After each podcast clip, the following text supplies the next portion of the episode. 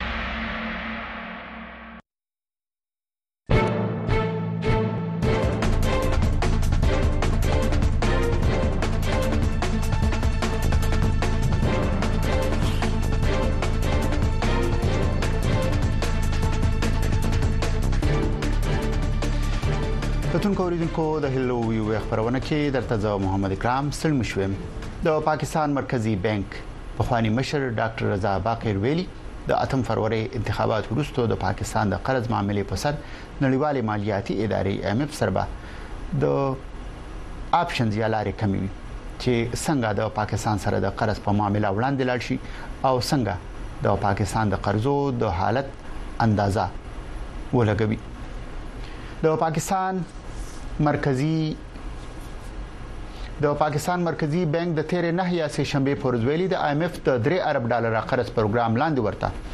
215 میلیون ډالر ملاو شوې دي چې ورسره پاکستان ته د سټاند بای ارینجمنت لاندې ورکړل شوی قرض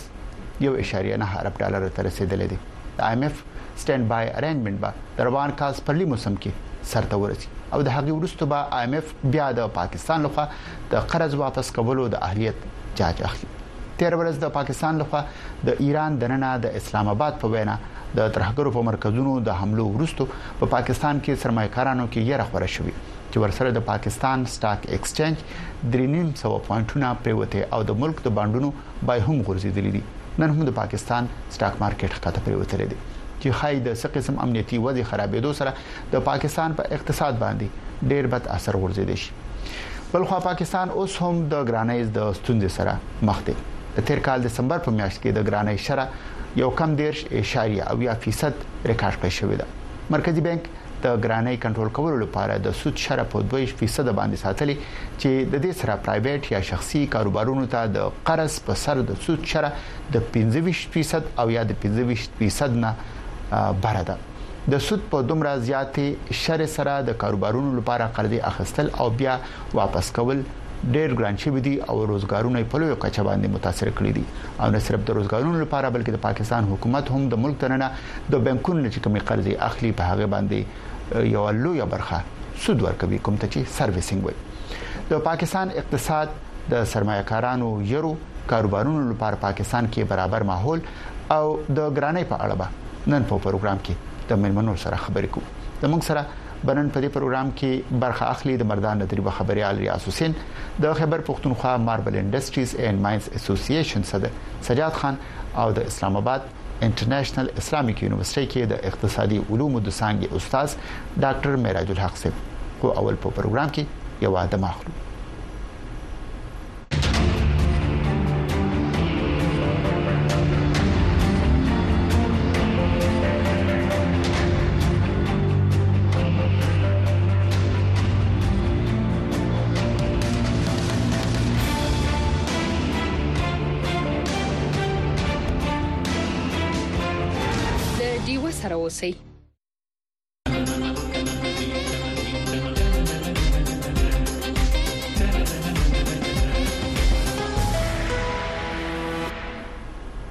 دا د وایس اف امریکا د هلو وی خبرونه ده د پاکستان په اقتصاد ګراني او د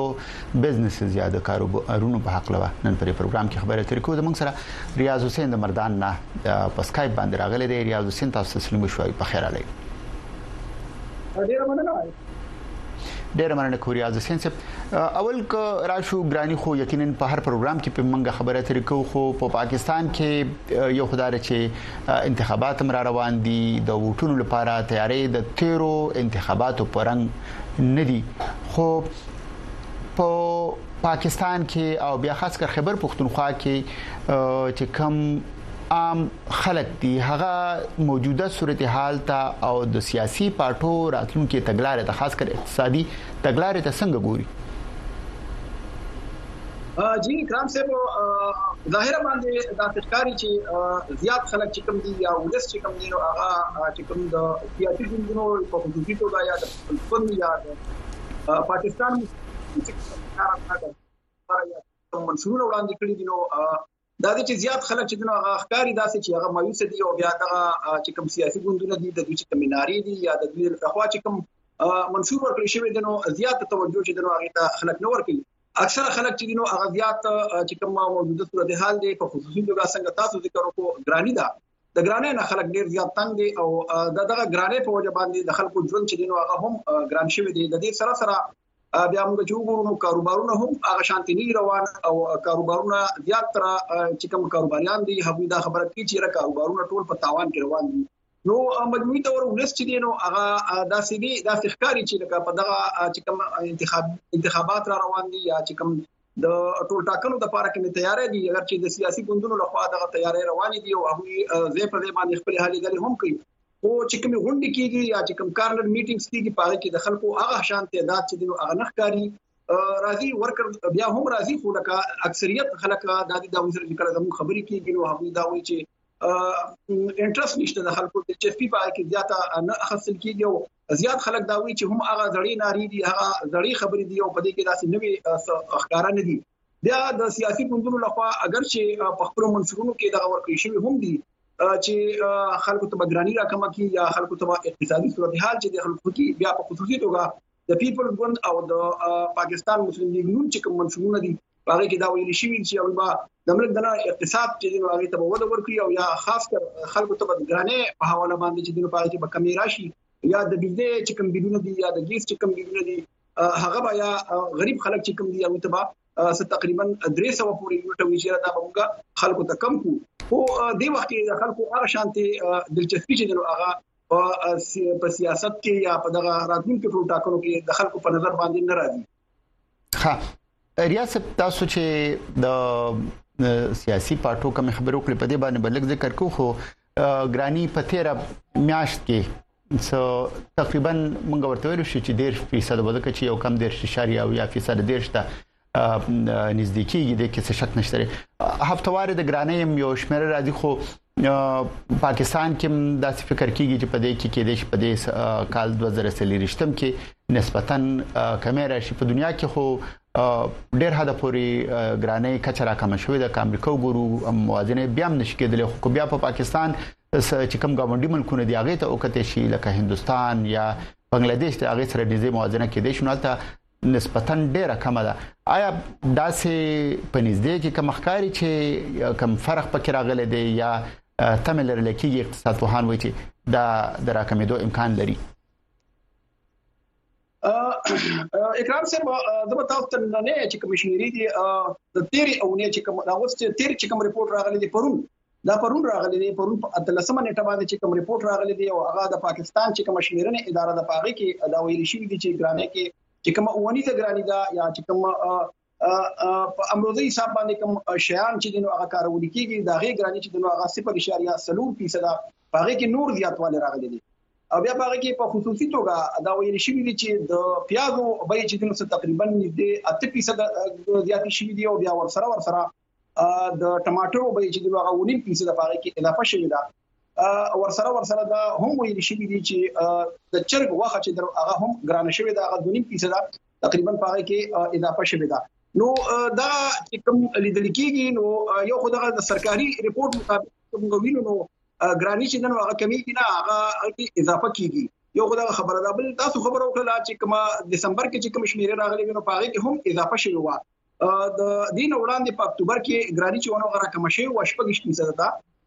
خو اوس دسمبر کې بیا دغه بیا یو کم 10 اشاریه او یا فیصد ته ورسېدله نو چې کوم مجموعي صورتحال د ګرانې په حواله نو د خلکو غجون کې هغه شانتي فرق چې دینو انخ کاری د دې سره سره بیا کوم وګورو اکرام صاحب کاروباریان دا خبره کوي چې را د مونږ چې کوم کاروبارونه دي په خصوصي توګه هغه کې د بجلی بلونه چې کوم دي یا کمرشل بلونه چې وته وایو چې کوم کاروباریان دي په هغه باندې بیا ریټ چې دنو هغه سیوا لګي او هغه وی چې را دغه کوم یوټیلیټي بلونه دي هغه دومره زیات دي چې دا وی کاروبارونه چې دنو هغه د ګټي په ځای باندې په تاوان کې روان دي زیاتې پیسې چې دنو هغه وی چې موږ کوم پیسې ګټو یا هغه نه زیاتې پیسې بلکې د جیب نه پکې دوه زموږ کاروبارونه چې دنو هغه کې په بلونو کې لاړ شي نو بیلونه چې د خلکو کم راځي نو هغه نه خلک ډیر زیات تنګ دي د خلکو په ژوند کې د بیلونو یا خصوصي توګه د اوس دی وخت کې جمع دي په پاکستان کې او د ګیس چې کم بیلونه راځي نو هغه یو په درې چې دي نو هغه د خلکو بیلونه زیات راغلي دي او اوسط څومره دی اوسط لکه د یو کور اوسط د بجلی بل او د ګیس بل هغه څومره دی غټ کور یا وړو کې خو چې اوسط دغه سره شمیره سره اکرام صاحب یو نارمل کور چې کوم دا وی وړاندې چې په کم بل راته په جمی کې خاص کر 3000 روپے یا 3000 روپے بل براتنو د هغه خلکو وس 2000 روپے بل راغلي دي او د دینه علاوه کوم کور چې نو یا 15000 شپږ روپے بل راتلو دا وی 15000 روپے بل چې هغه د ګیس راغلي دي نو دې ته چې وګورئ نو دا څه تقریبا درې چنده چې د خلکو بلونه زیات شي دي اوس چې په پروستو کې بیا د حکومت لخوا چې کومه د ګیس قیمتونه زیات شي نو د هغې په وجه باندې د خلکو زیات بلونه راغلي دي نو شل زره یا پنځه زره بل د یو کور ورکول چې کم دینو هغه ډیر زیات لکه د یو کور داسې وی چې هغه آمدن چې دینو یا ډیر زر وی یا سلوي زر روپے آمدن وی نو بیا په دې کې دومره زیات بلونه کړ د دې سره بیا د بجلی بلونه یو ځای کې او بیا ور سره د ګیس بلونه یو ځای کې نو ټول پیسې چې څومره آمدن دی هغه ټول په بیلونو کې لاړ شي او بیا د کور بعضې خلک داسې هم دي چې هغه یا د کور په کرایه په کور کې اوسېږي یا د کور چې کوم خوراکي کوم چې بنیادي ضرورتونه دي دا غي پوره کول چې بیا خلکو ته ډېر زیات ګران شي ځای خلک دغه یو خبره کوي چې یو خدا خبره ده چې د حکومت لخوا د کوم چې سیاسي ګوندونه د هغه سره داسې کوم دغه نشته دی وړاندې هم دغه خبرې کولې چې را موږ به خلکو ته ګرانی راکم کو یا د خلکو چې کوم ژوند دی پاره کې به بدلون راولو وړاندې هم دغه خلکو سره وعده شوی وي او هغه نه دی پوره شوی او اوس هم خلک دا خبره کوي چې را چې کوم سیاسي ګوندونه دي هغه د خلکو سره کوم وعده کوي هغه د اقتصاد په حواله یا د ګرانې په حواله نو زیات خلک په دې باندې هغه یقین نه کوي ځکه چې وړاندې هم دوی هغه چې کوم حکومتونه راغلي دي یا چې کوم حکومتونه تیر شوی دي نو په هغه کې د ارزانه په ځای باندې ګرانی چې دنو هغه سیوا شوی دا د وخت سره سره د ګرانی چې دا هغه زیاتیږي او د خلکو ژوند هغه سره ډیر زیات ګران دي د دې لویو سیاسي پارټو په منشورونو باندې اوس بحث کیږي خبرې پر روان دي او څنګه چې تاسو مو ویلي خاص کر د دوه لویو پارټونه پی ایم ایل ان پاکستان مسلم لیګ نون او پیپلز پارټي نه تمم لرل کېږي او داسې امکان هم خلک ویني چې کېدې شي یو یا بل یا د دواړو یو اتحاد په نتیجه کې حکومت مخ تراشي د دوی په منشورونو کې د اقتصاد د خکولو لپاره کم داسې غټ ګامونه ښکاری چې اقتصاد پوهان غني چې ګني پاکستان په یو خزه باندې ودرول شي اجي اکرام صاحب د پیپلز پارټي له خوا چې منشور وړاندې کوم راغلي دي نو پای کې زیات چې دینو د غریبو خلکو د لپاره چې کوم وړاندې کوم پروګرامونه زموږ د ویمه چې د بنظیر کم سپورټ پروګرام چې کوم په حواله باندې هغه خبره کوي دا وړاندې هم د پیپلز ګوند لخوا چې دنو شروع کړی شوی او هغه چې دا به موږ جاری ساتو په دې کې به نور خلک چې کوم غریب خلک دی هغه ته به نور موږ د ورکو او بیا د دې سره سره د وسیله روزګار او د وسیله وسیله خوراک په حواله باندې هم داسې قسم لاري چې دنو هغه جوړ کړی دي د دې سره سره وی دا وی چې را چې کوم د بجلی بیلونه دي په خصوصي توګه خلک زیات د بیلونو نه تنګ دي نو وی چیرې غریب خلک چې کم دي نو ته موږ 300 یونټ چې دا موږ فری ورکو پیپلز بن دغه د خلکو سره په منشور کې دغه وعده کړې ده او دا داوی کوي په خپل کارنر میټینګز کې کوم چې سیاسي چې کومې غونډې دي پاره کې هم دوی وایي چې موږ خلکو ته 300 یونټ چې دغه هغه پریکو د دې سره سره بیا چې کوم د مسلم لیگ نور حکومت ته وړاندې هم لکه دوی دغه داوی کړی وی او هغه هم په خپل منشور کې دغه ویلي دي چې یاره ګرانی کمول او بیا د پاکستان چې کوم اقتصاد دی مجموعي اقتصاد په هغه باندې فوکس کول یا د هغه خکول چې دوی دا د موږ کو او د دې سره سره دوی وایي چې را کما ګرانی دا په ګرانی باندې به هم او کنټرول تر لاسه کوي خو بخنه وړم بیا ولس دا خبره کوي چې را دوی وړاندې چې کوم د پی ډی ایم حکومت او بیا په هغه کې چې کوم سیاسي ګوندونه وو ټول سیاسي ګوندونه په هغه کې وو ولس دغه یو نیوکه هم کوي چې را د دې حکومت کې بیا د دین وړاندې چې کوم حکومت وغوي ګرانی زیاته کړې وو چې کوم بنیادی ضرورتونه وو د غي قیمتونه چې کوم غزيات شي وو د غي سره د بجلی او ګیس قیمتونه چې په هغه هم اضافه شوی وو فهریا سیب بیا اکرام صاحب کومه دي منشورونو ته وګورو او دوی کوم خبره کوي چې موږ به بیا اقتصاد ته وده ورکو خو بیا اقتصادي پوهان هم په دې باندې دا خبره کوي چې دا ممکنه نه ده ځکه چې راتلونکي کوم حکومت هم وي که هغه د پیپلز ګوند حکومت وي یا که د مسلم لیګ نور حکومت وي نو هغه د بغړ چیلنجونه دغه وی چې را پاکستان چې کوم مالیاتي خسارې سره مخ دی او بیا په خصوصي توګه چې کوم د آی ایم ایف سره د په پروګرام کې کوم چلیږي کوم چې د 3 ارب ډالر پروګرام دی او دغه اقتصادي پوهان وی چې پاکستان له راتلونکي وخت یو بل پروګرام ته هم تللی او د دې سره سره دا خبره هم کوي چې رقم د آی ایم ایف لخوا کوم شرطونه د دې نوړاندې تیر حکومت یا چې کوم او سره چې کوم معاهده شوی و د 3 بلین ډالر نو هغه کې کوم شرطونه هغه منلي دي چې دا پوره کوي او هغه کې بیا اقتصاد کې یا کوم کارخانه دار دي یا کارخانو ته سبسيډي ورکول یا هغه کې د آی ایم ایف لخوا چې کوم شرطونه دي چې دا د ټیکسونه چې دنو اغاز یاتوي په هغه کې به اضافه کوي او د دې سره سره چې کوم اصلاحات دي خاص کر چې کوم شخصي هغه کارخانه چې کوم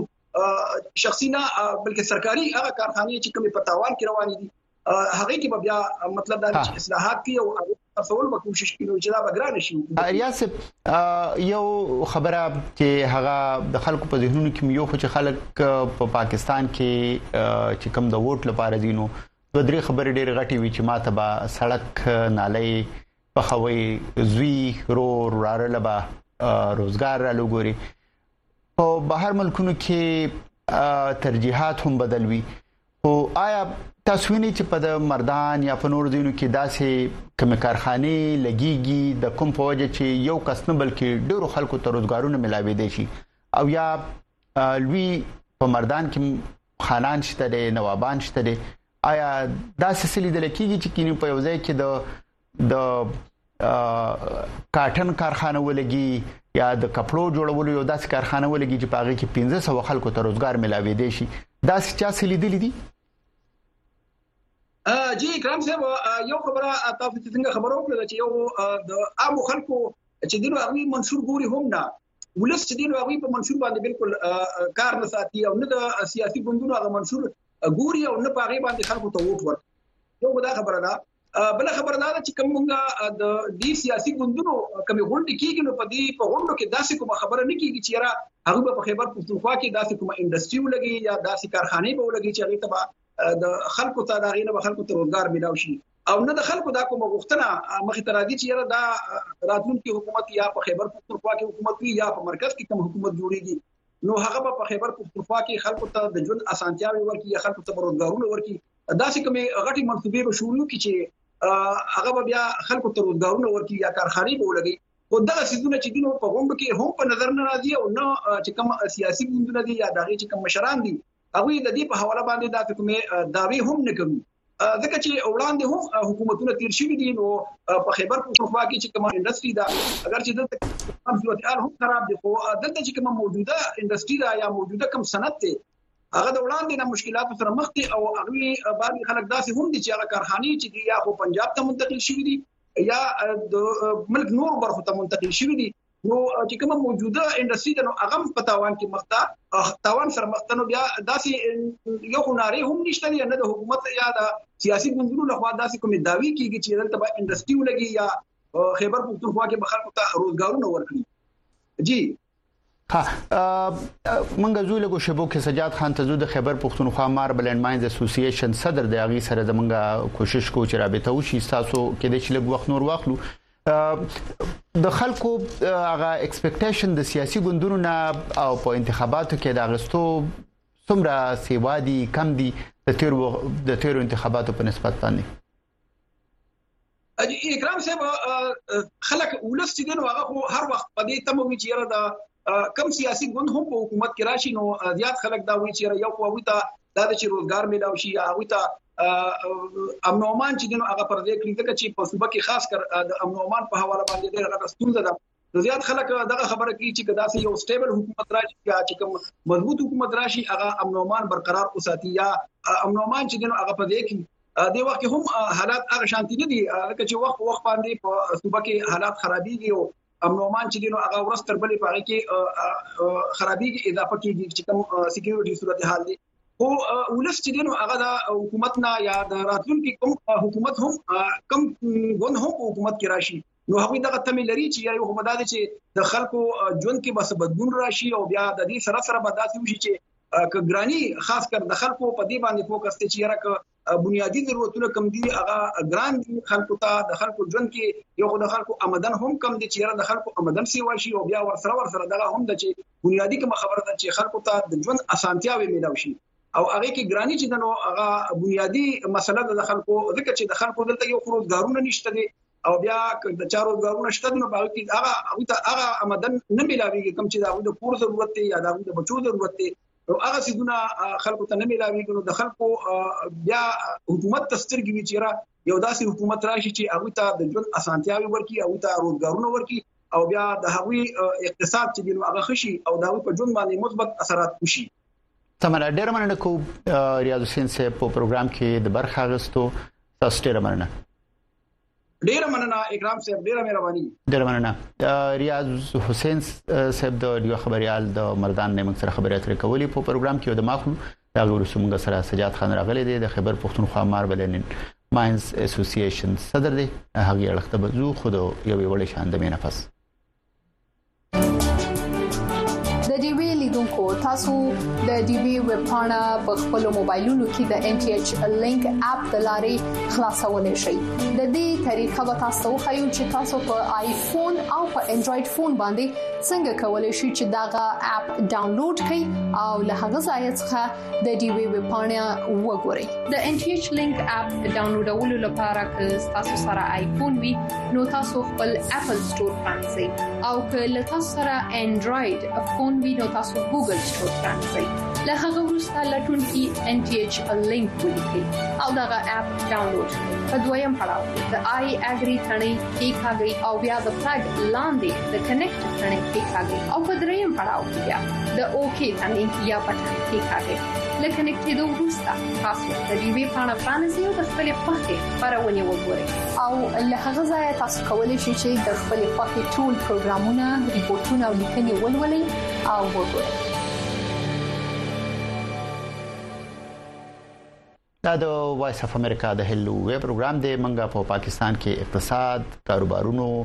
په وځ باندې خبره ترې کوو ایم ایف پاکستان ته کوم قرضې ورکوي په دې باندې ورستم په تفصیل سره د دې سرنه کو خو موږ سره سجاد خان راغلی دی د خبر پښتونخوا ماربل انډستریز اینډ ماینز اسوسییشن صدر دی سجاد خان تاسو سلمي شوي په خیر علي ډېر ډېر مننه مننه اکرام صاحب ډېر مننه کو سجاد خان تیر کالم دا ډېر خنو په پاکستان کې د کاروبارونو لپاره او خاص کر خبر پښتونخوا لپاره خو په خپل تاسو د یو پورا بزنس د اسوسییشن د هغه صدر هم یې تاسو ډېر پته وي کاروبارونو حالت تیر کال څنګه تیر شو او څنګه دی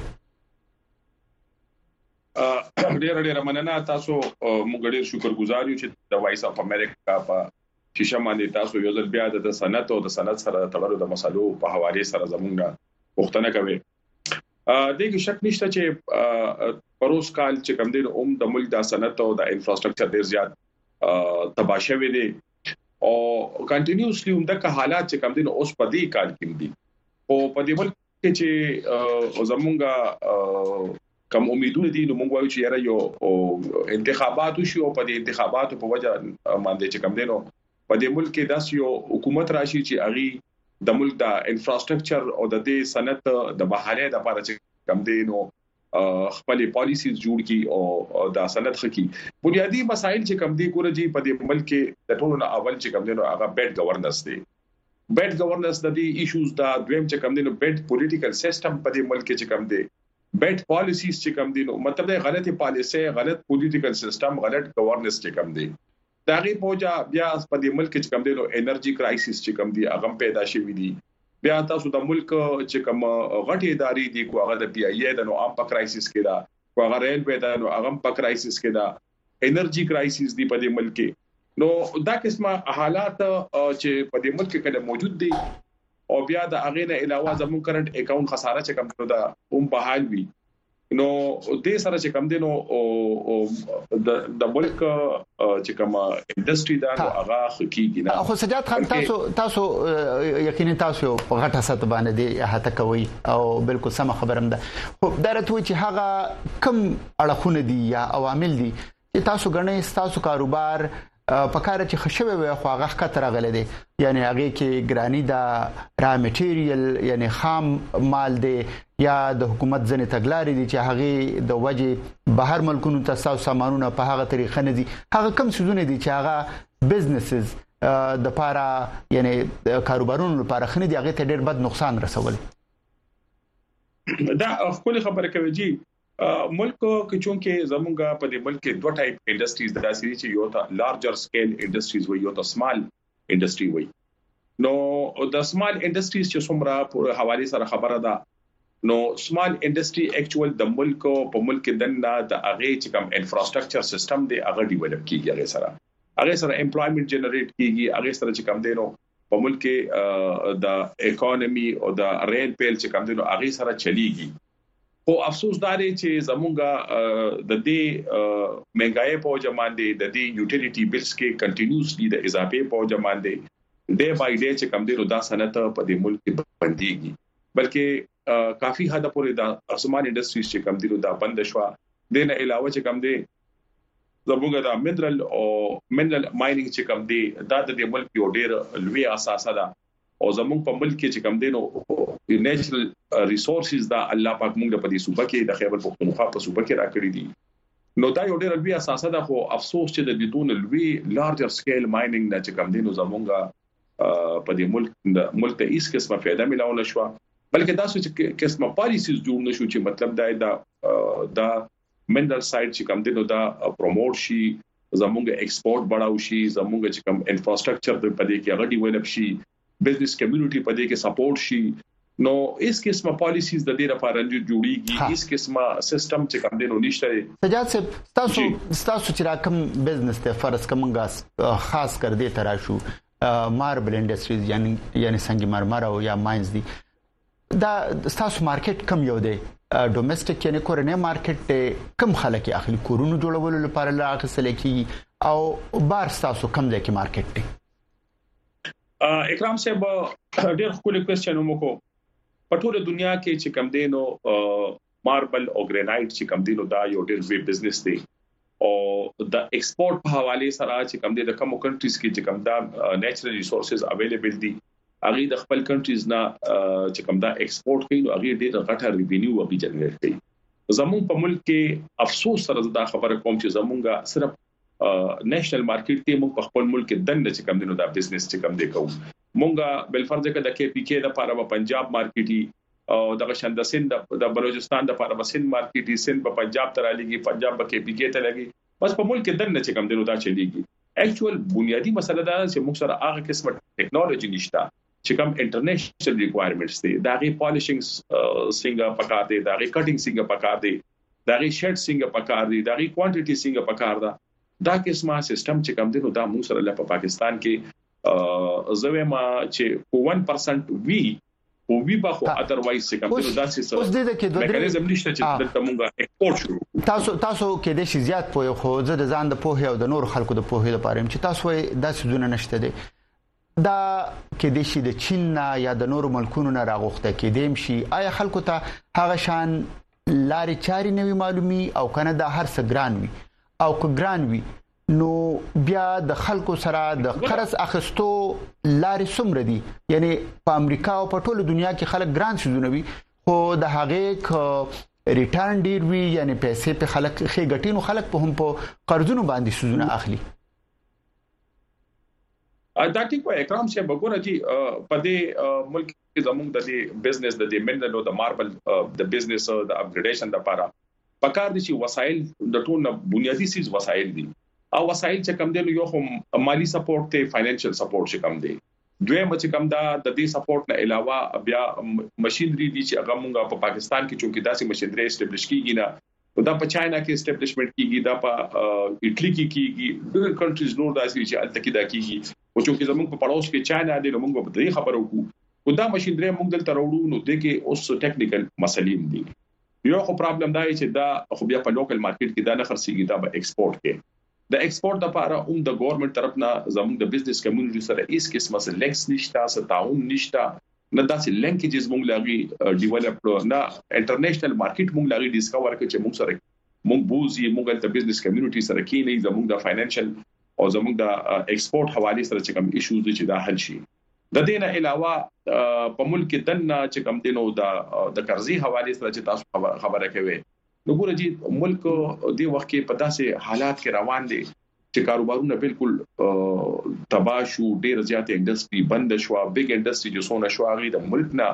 هغه خپل انډستری یوړ نور نور ملکونو ته لاړل بنگلاديش ته لاړل دا ټیکسټایل انډستری زمونږ ګوره بنگلاديش ته لاړه نو دوی اوس دا دا چونکی دا منرلز چې کوم په دې ملک پراتی دي کوه ماربل دي کوه ګرینایټ دي کوه نور منرلز دي دا خو یو نیچرل ریسورس دا خو څوک پسر نشي وړي دا هم دلته کې پراتی دي خو اوس د دې لپاره مونږ ته د انویسټرز پکار دي چې هغه راشي دلته کې مونږ سره ټیکنالوژي پکار ده زمونږ په دې باندې فوکس پکار دی چې زمونږ دې ته فوکس سي اله بداړي ولر کیږي نو د لون حواله سره چې تاسو کوم خبره کوي نو په دې حالاتو کې یو انډستریالیست یو بزنس بزنسمن سره په دې یریږي چې د ګورنمنت نه دی لون واخلي او دا بزنس نه جوړیږي نو بیا به حکومت له لون د کم ځای نه ورکړي ځکه چې زموږ د ملک چې کم د لون سیستم دی نو په هغه خدانه طالب لون درکې نو بیا به د لون کې بدن کارخانم غاڼه کی او بیا به چې کم نه کوروم دنه غاڼه کی نو کو سبا دی لون ورنه کو نو کارخانه او کور نه خلاص شوي نو خلک په دې سوچ کوي چې یاره زه خو سم تاوانی هم بس ټیک تا کاروبار مې بند ک بس کې برم ګوره چې دا طریقې نه دي طریقې دا چې په کار دي چې بزنس کمیونټي دا په زیرو ریټډ باندې چې کوم په زیرو ریټډ انټرست باندې لونونه ورکول دي خو په دې ریټ کې خو او په دې ریټ کې خو یو خبره منځ کې راځي چې په صفر ریټ یا چې ګینو سود ناخلي باغې کې خو بیا هغه په بل ځای کې بیا څوک د هغه پیسې به ورکړي یعنی په پا پاکستان کې کچرته 13% د منګو قتل چې تیر کال یو کم 13% ګرانی و نو هغه 13 روپۍ چې تاسو نه څوک انټرست یا څه اخلیم نو دغه دیرش روپۍ به د کم ځای نه بیا پوره کیږي دغه بیا یو لوی مسله ده ځکه چې ګرانی د ډیره زیات د روپۍ ډیویلیو کیږي هر وخت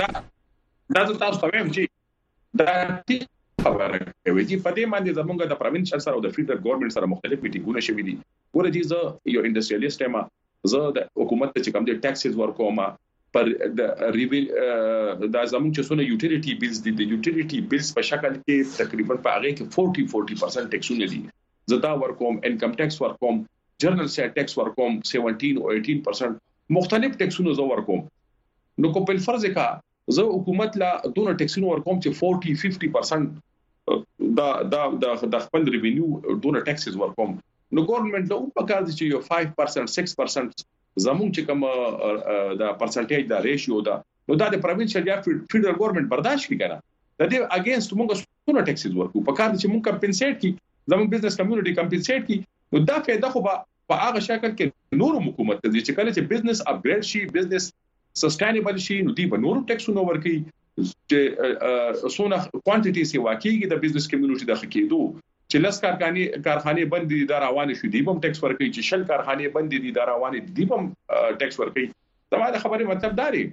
چې بل فرض کړه دا انډستری لکه زه اوس د وخت په مردان کې ناس یم د مردان انډستری اسټیټ د 350 انډستری دا راوند اباوټ 100 پلس په دې کې دی وخت کلوز شوې او کنټینیوسلی دا تاسو چې 300 لکه مونږ به تاسو یو منټ جی حاجی زدا زدا کوېشن کوم چې یاره بل فرض کا حکومت دا دا 100 فیکټریز چې کم بند شو نو حکومت ته خو ریوینیو نه ځي کنه نو کو دا کمپنسیټ شو دا روان شي د ټیکسز په شکل کې بدی ته ډیره غټه ریوینیو بیا روانه زما دا مطلب دی ښه اوس پیسې که فرض کنه ملاويږي په امریکا کې په نور ملکونو کې پرایویټ ایکویټي می پرایویټ ایکویټي دا وی چې سرمایکاران خپل نه خپلغه پیسې ولګي هغه خاص شیر غواړي چې مال په کې 10% راکا 15% او هغه ګوري چې په دې کارخانه کې آیا ماته ریټرن شته دی او کنه تاسو دا چې کم بزنسز دي د دې ریټرن څومره دی که تاسو ته لکه لکه ریټرن مطلب تاسو ته په جیب کې څومره پیسې پاتې کیږي که دا خرچې تیو باسل شي ځکه چې را میټیریل تاسو راوړي خام مال او تاسو چونکه دغه ته د د دینا یو فینیشډ پروډکټ یعنی اخیری پروډکټ یا سیس ته جوړوي مال ته جوړوي نو هغه کې ګټه به هم ډیروي آیا څه خاص ګټه پاتې کیږي په دې کې هغه پرسنټیج په حساب سره کویل شي کو د پیسو په حساب سره ویل شي اکرام صاحب ګور ما تاسو سره کې په دې باندې خبر کړ کو خدا د دې بزنس بانک چې کوم ډاینامیکس موږ ډیسکس کوو کنه نو خدا بل بل فرض کوم ایکسپورټس طرف ته ځو نو دا ډېر بهترین ریوینیو ډېر بهترین انکم د دې جنه جنریټ کیږي مطلب د بزنس کمیونټي په چې کم دینو فاینانشلی ساوند شي او مطلب د مشکلاتو شکار بني او ګورنمنت تم ډیره غټه ریونیو په د فارن ریمیټنس په شکل کې چې کم دی نو ملک راځي ځکه چې انټرنیشنلی د دې پرایسز ډیر های دي او کو لوکل مو په کنټري کې کو او ملک دنه نو بیا مونږ نه هغه کوالټي ورکو نه دلته کې هغه پرایسز جوړي بس جست هغه خپل سروایول دي چې هغه مونږ دې سره کوو نو زما کوشش هم دا دی ما بورډ اف انویسټمنټ سره داسې د یو ان مختلفو ادارو سره په دې کې رابطې کړې چې یاره موږ ته داسې انویسټرز راشي او په دې ملک او زمونږه په دې مايننګ کې انویسټمنټ وکړي زمونږ په دې انډستری کې انویسټمنټ وکړي او مونږه چې کم دینو دا د خپل ملک دا ایکسپورت شروع کو دا خپل پروډکټس چې کم دي انټرنیشنلی ایکسپلور کو وای ناټ چې په پاکستان کې داسې قسمه ماربل دي داسې قسمه ګرینایټ دي داسې د قسمه کوالټیز دي چې انټرنیشنلی هغه ډیر زیات لایک کیږي او دا اړ خلک ډیر زیات خوخي خو افسوس دا چې موږ سره هغه شان ټیکنالوژي نشته نه هغه شان انویسټمنټ شته نه هغه شان د کې سیستم شته دی نو کله نه کله زمونږ ډېری ګیلې د حکومت نم راشي د صوبایي حکومت نه د وفاقي حکومت نم راشي چې په کار داري چې سنجیده مونږ خلک د بهترین پالیسي جوړ کی د انفراستراکچر او د بزنس د ډیولپمنت لپاره یو یو یو بهترین ګورننس سیستم دلته کې جوړ کی ون وینډو اپریشن یو سیستم دلته کې جوړ کی دلته جی دونه په قانون کې او په سیستم کې دونه تضاد دي دونه چې په هر ځای کې بزنس کمیونټي ایشوز او پرابلم کریټ کیږي مطلب دا دی سستینبل کیږي نه چې دی پریګ دی چې یره دی لګ د خپل بزنس ډیولپ کی دی د انسنټیوز ورکی دی د سرمایه ورکی په دې شکل کې به چې کم دی نو دی خو کیږي او کو دا کم حالات روان چې یو کاروباري حالات خراب دي بزنس نشته او دویم طرف ته چې کم دی نو د ګورنمنت سېکټر نه هغه هم دې ته پریشانې چې کم دي نو ډے بای ډے پریشانې سي واقعيږي او هغه مسایل راځي نو خاطر دې بیا خبره د ریبلونو باندې تاسو سر نکو خو چونکه اول د بزنس او تاسو کمپټیشن په دې باندې تاسو کوم چې وړاندې مونږ اوریدلو چې ځنې خام مال خاص کر چې کم ماربل دی د دې خام مال چین ته هم زی دا سشتره چې چین ته زی او کو چین ته زی نو به تاسو داغه مقابله کولای شئ چې الته هغه ته اپورتونټیز هر څه موقع دومره دي چې هغه یو ډیر خو فینیشډ پروډکټ یعنی اخیری چې کوم سیس جوړ شي هغه بیا تاسو سره مقابله کوي تاسو ایوند هغه سره مقابله بیا نشئ کولای دکې او دکا خبره جی ما سر کوم تاسو ته کړه ډیپند اپان د پالیسیز اوس زه په خپل ملک یو پروډکټس چې کوم دین او هغه از دغه پروسیسینګ کوم او هغه زه یو ټایل او زه یو سلیبس چې کوم دین او هغه زه تیاروم او هغه سلیبس او هغه ټایلز چې کوم دین په زما را میټیریل چاینا ته لړ شي ډبل سایډ ترانسپورټیشن کاست هم پر راشي او واپس دلته راشي نو په مارکیټ کې زه د هغه مقابله لکشم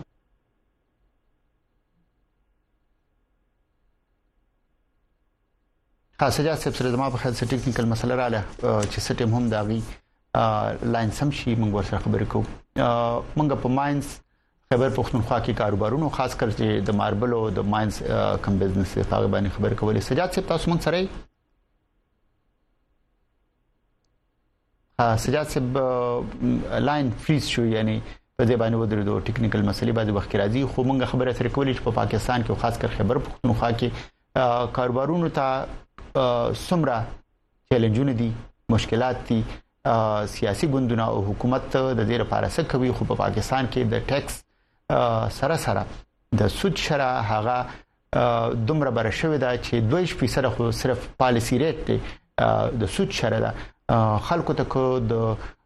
قرض پیسې ملاويږي د بانکونو نه نو هغه اکثر د 15 او د 25% نه بروي آیا بیا یو کاروبار دومره پیسې ګټي چې هغه د 15% نه بره پیسې ګټي نو ال باغه ګټه کوي او که 10% مې هغه 10% په سود کې ورکوي نو هغه ګټه نه کوي بلکې داغه د ګټې چې کوم شر د پکار چې هغه د 10% نه هم ورخواته وینو اله به یو کاروبار هغه ګټور وي او کامیاب به وي نو یقینا په پاکستان کې بیا هغه شان د بزنسز یعنی د کاروبارونو لپاره انوایرنمنت یا ماحول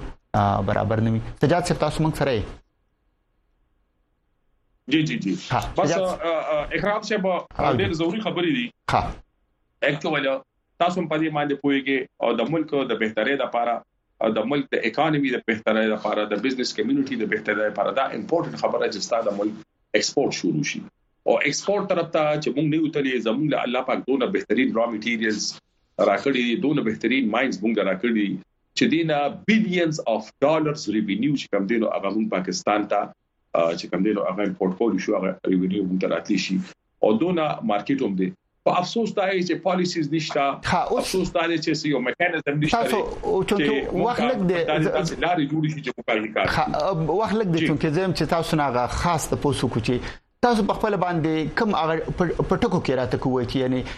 موږ ته ټیکس کمول پکار دي یا کم پیسې راکول پکار دي هغه کم غټ غټ ټکی دي چې تاسو یې کدا وکړې شو نو زمونږ د بزنسز به په خپل خپو مدريږي او موږ به ریوینیو یعنی آمدنه جنریټ کول شو پیدا کول شو دا بار ملکونو تم دا برآمد کول شو هغه کم ټکی تاسو وینئ ډیره ډیره ضروری خبره ده کولې کوېشن دی اکرام صاحب د ټول اول بل اول چې کوم زموږ یوټیلیټي بیلز دي د بجلی بیلونه خو د بجلی په بل کې هر میاش کوم اضافه روانه ده او دا اضافه کنټینیوسلی روانه نو دا خو سوچوم مکوي چې په دې ملک به انډستری ولګي دا زه خو ویم چې تر څو پورې په مایننګ انډستری لا دی چې کوم یو سپیشل انسنټیو یو سپیشل ریټ نه ورکړي چې مونږه هغه کمپیټ کول شو نو دا هغه پورې چې کم دین او مونږه لکه مطلب تاسو وګورئ د کې کم اس کم د دې په ویډیو کې چې تاسو د 2018 نه تر د اوسه پورو ګره 200% اضافه شو 200% لکه دا اضافه لکه دا 18 روپی یونټس نه 20 ته لاړو نن سبا په 63 روپیز باندې چې کم دینو هغه یونټ موږ ته ملاویږي دا خو 2.5% اضافه دا چې تکور کول شي د دې اگینست نوې نوې ټیکسز هم لګي د دې اگینست چې کم دینو ټیک تا موږ ټیکس ورکو چې موږ د ملک د اکانومي د دې خیرخوا یو چې د ملک ډیولپ شي او د ملک چې خین موږ ممخ یو خو او افسوس دی چې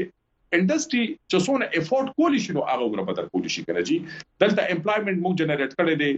او د دې نه علاوه چې کم دینو موږ په کار دی چې ګورنمنت د دې ته لونز ورکړي چې کومه سیک انډستری دا غا سیک انډستری لپاره یو پروګرام روان کی چې هغه هغه روان شي او هغه د دې ملک پر بنیو کې اهم کردار ادا کوي په بل فرض کې دا حالات نو او د کې ماته نه ښکاري چې زمونږ دا انډستری ګروث چې کم دینو دا وشي او یا دا سسټین پاتې شي نو په کار دی چې په ټیکسس کې په یوټیلیټي بیلز کې او په پالیسیز کې د دې لپاره د سیک یونټس یونټس لپاره چې کوم د سپیشل پروګرام رین شي چې دا انډستری روان شي او د ملک په اکانومي کې یو بهترین رول پلی کړي تمره ډیر مننه کو سجاد خان په پروګرام کې د برخه غوښتو ساس ډیر مننه ډیر مننه جی اکرام صاحب ډیر مننه جی ډیر مننه کو وعلیکم السلام دا سجاد خان د خبر پښتونخوا ماربل انډستریز اینډ ماینز اسوسییشن صدر چې په کاروبارونو او خاص کر چې د ماربل انډستریز او ماینز کاروبارونو ته کوم مشکلات په هغه خبره تر کولی په پروګرام کې یو وړ شان د ماخلو ډاکټر مراج الحق صاحب زموږ سره دی هغه سره به په مجموع صورت حال باندې د ملک په اقتصاد باندې خبرې کوو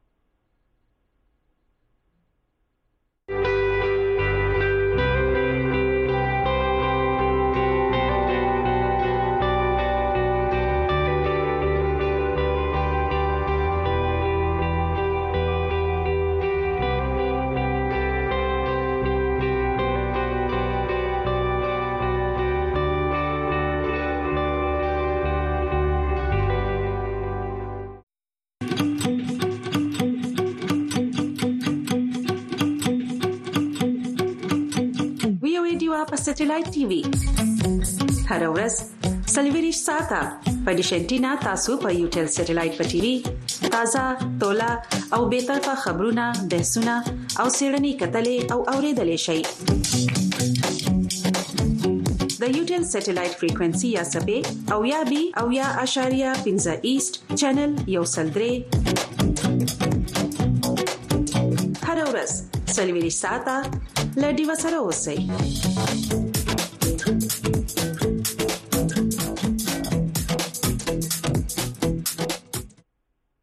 دا د وایس اف امریکا د هلو وی او ای خبرونه ده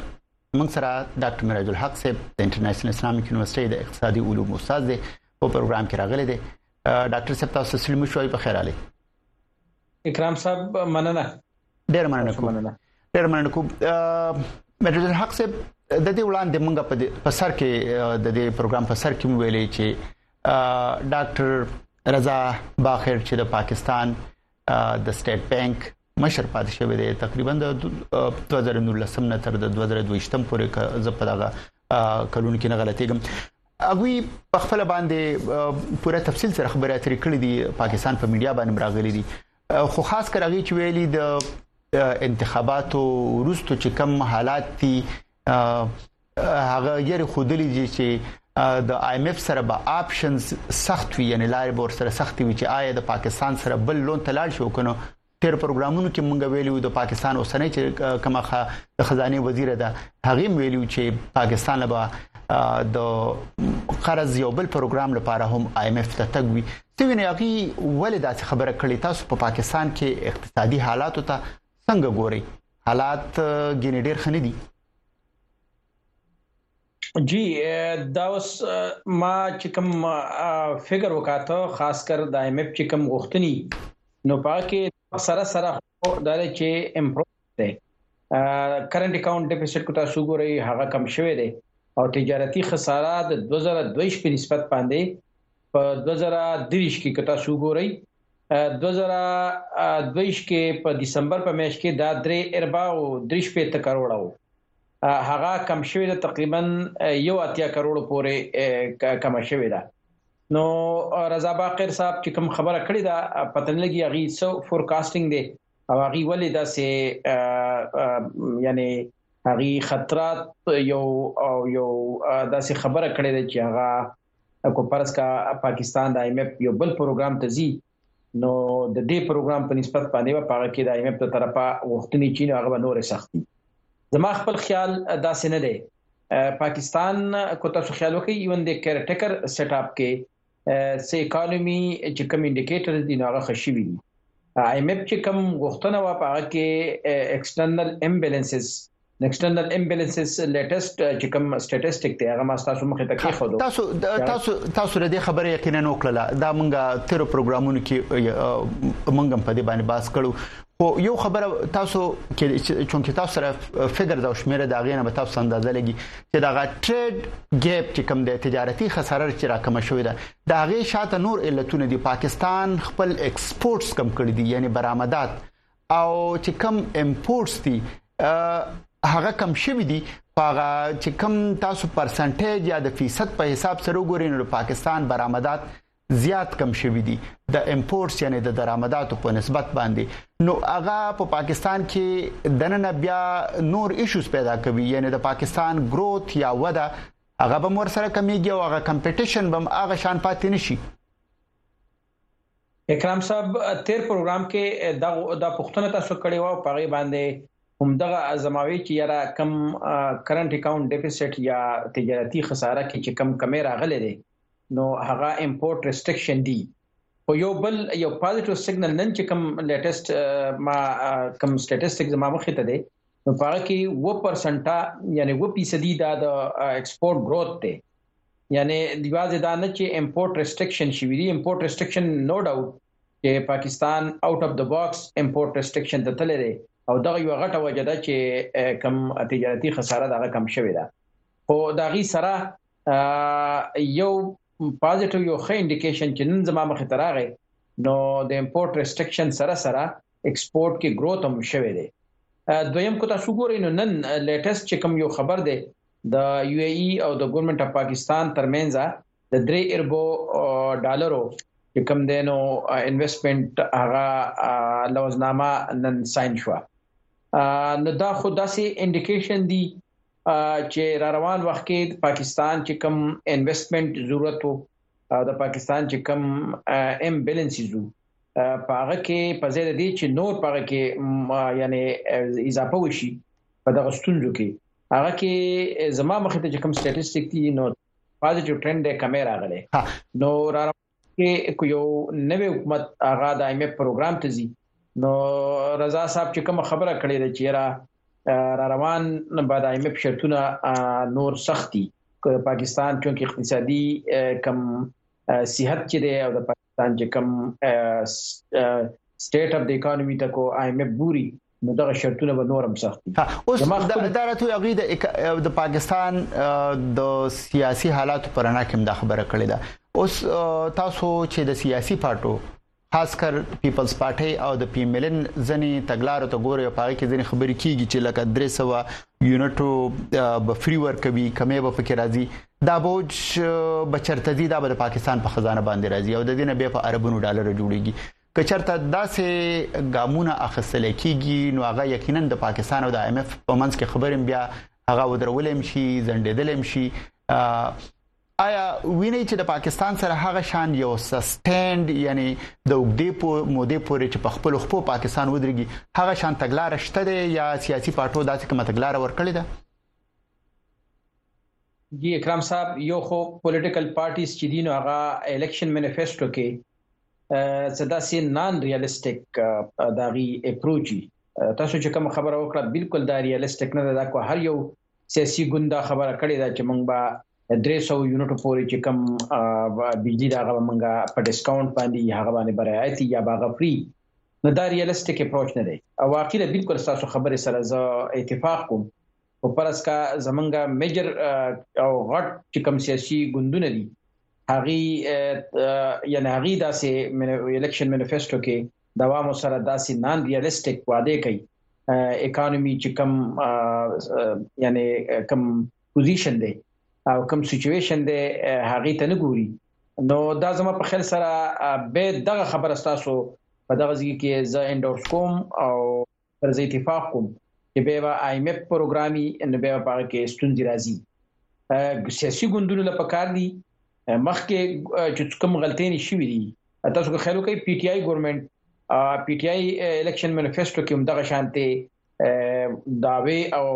کم پرامیسز او کلیمز نه غا ریالستیک ډیر نه به هغه ګورنمنت باندې پریشر راځي او هغه پریشر د وجنه یو خو پولیټیکل انسټیبিলিټی مرাজি دویم سوشل ډیسټربنسز هم راځي او دریم دا چې به اکونومیک ریفارمز باندې هغه کار نه کیږي سیاسي ګوندونو لپاره کار دي چې یرا عوام خپل ځان ته اټریک کول لپاره ډېری طریقې دي ریالستیک اپروچ باندې تتل دي او دا سه کلیمز او داسې پرامیسز داسې وعده او داوی دا را روان وخت کې د پاکستان خاص کر معیشت لپاره کم یو ګون چې په واک اختیار کې راځي او کم حکومت تزي دا غي به ډیر زیات پرشر کې راځي ځکه چې دا غي کمی سیستمز دي دغه کم پرامیسز دي په هغه کې هغه ریل نه دي هغه به ریل سچويشن او د معیشت چې کم حالت ته داغي اکارډینګ هغي دا نه دغه وعده او دغه داوی هغي نه کوي نو را زستا سو د دې خبرې سره بالکل اتفاق کوم هغه اکانومي په ولي هغه پام ته ځي هغه آی ایم ایف پروګرام ته ځي نو هغه د پاره به دا ډېر ګراني پریوزي ها ډاکټر صاحب یو بل خبره چې په پاکستان کې ګراني ډېره زیاته ده یو سل څو دیش فیصد پورې ګراني ده یو سل نه دیش فیصد خو راځو د ګراني کنټرول کولو لپاره پالیسی ریټ یقینا د سود شره چې په عامو لفظونو کې ورته وي هغه تر اوسه پورې په 22 فیصد باندې ساتل شوی او بیا چې خلک پرایویټ سېکټر یعنی شخصي کاروبارونه پیسې اخلي نو هغه د 25% نم بروي د خو د دې سره دا پیسې خو صرف عام خلک نه اخلي د پاکستان حکومت هم د مارکیټ نه پیسې چتوي او غوي د پارم بیا د غریټ دومره زیات وی چې په دې باندې بیا پاکستان قرض واپس کوي نو په سرویسنګ یعنی دا غي په سود باندې ډېر پیسې لګي ویني چې پاکستان په خپل یو خود بار ملک په سره خود ملک دننه د بانکونو نه د باندونو په ذریعہ باندې کوم پیسې اخلي هغه د پاکستان لپاره یو ډیر بوج هغه ورځ په ورځ باندې سیوا کیږي په 2% چې پالیسی ریټ ته د هغه په تناظر کې اکرام صاحب بینګ ا سټوډنټ اف اکونومکس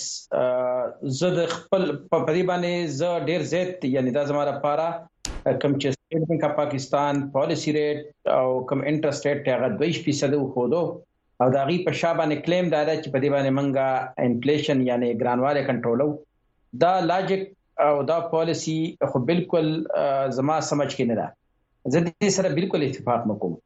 تاسو کو نیچر د انفلیشن وګورئ نو دا ډیماند پول نه دی بلکې دا کاس پوش انفلیشن هم دی په دې کې دا غي ډیره غټه حصہ ده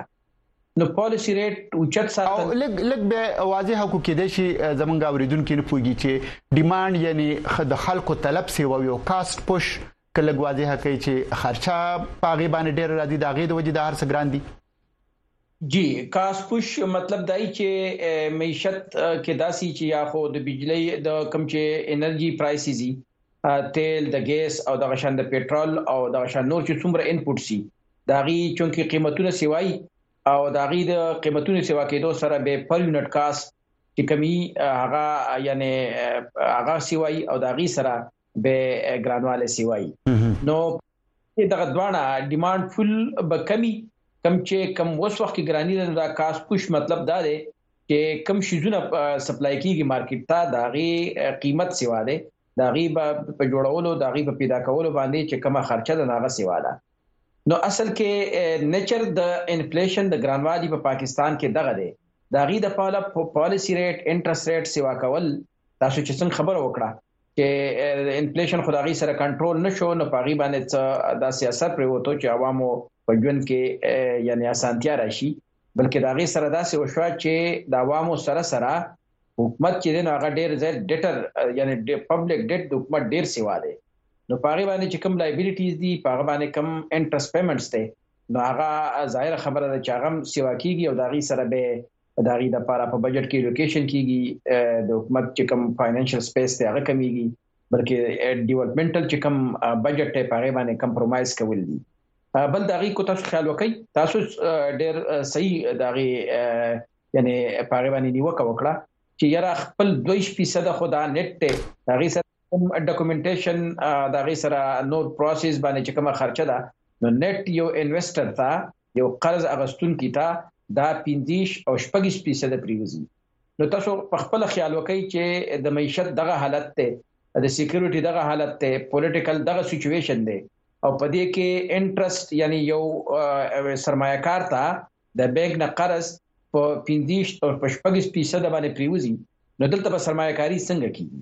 نو زما خپل خیال دار چې دې منګه کاس بینیفټ انالیسس کومګه وکړو نو په ځای د دې چې انفلیشن کنټرول شي د عوامو په ژوند کې اسانتیا راشي دا غي چې کم نیگیټیو امپیکټ دی او کم اثر دی منفي اثر دی په معیشت باندې یو خدای چې سرمایکاری ډیپریس کیږي دا غي سره به اقتصادي وده ډیپریس کیږي او بیروزګاری سیوا کیږي او هغه سره به دوباره ګرانواله سیوا کیدي شي سپلای لاین کمی او دویم دا دا چې د حکومت چې کومه قرضه ده هغه کې ډیر زیات اکومولیشن کیږي هغه سیوا کیږي حکومت به چې کوم ډیټ سره هغه ډیر زیات د غي سره سیوا کی ډاکټر صاحب ک نیم منټ یا 15 سلوي سکند کې جواب راکړي چې آیا پیپلز پارټي او پی میلن آیا اقتصادي تګلارو نه سمره مطمئن یې یا مانیفیسټو کې چې سشته هغه یو مثبت بدلون راولي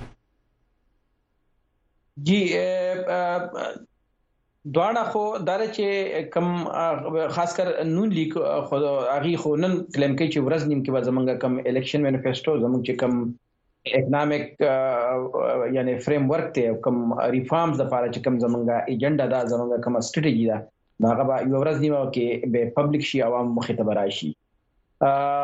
پاکستان پیپل پارټي د غیر طرفه چې کم دین او غي او د اوسه پورې چې مینیفیسټو کې څومره ده نو هغه په ځای د دې چې زما خپل اپینین دا دی چې یاره پروډکشن سایډ باندې سپلای سایډ باندې دا غي مې دا غي چې کوم سټریټیجی دا دا غي کوم ریفارمز دی هغه کلیر نه دي البته ویلفیر سایډ باندې دا غي کوم خبرې دي دا هغه چونکه الیکشن د پاره دین هغه داسې خورازي چې عوامو ته د اسانتیا لپاره هغه څه خبرې کړي خو زما په سره فاینانشل سایډ باندې او کم سپلای سایډ دی دا غي د لپاره یو جامع یو کمپریهنسیو فریم ورک او یو کمپریهنسیو ریفارم دونو غټ جماعتونو طرفه ډیر مننه کوم ډاکټر میراج الحق صاحب زموږ سره په پروګرام کې د برخه غوښتو ډیر مننه دا و معراج الحق صاحب مونږ سره اوسېږي په پروګرام کې یو اول شان د ماخلي په دې بحث کې چې تاسو کومې خبرې وره دي دا د ملمنو خپل نظر وو دا د وایس اف امریکا یا د امریکا د حکومت نظر نه وو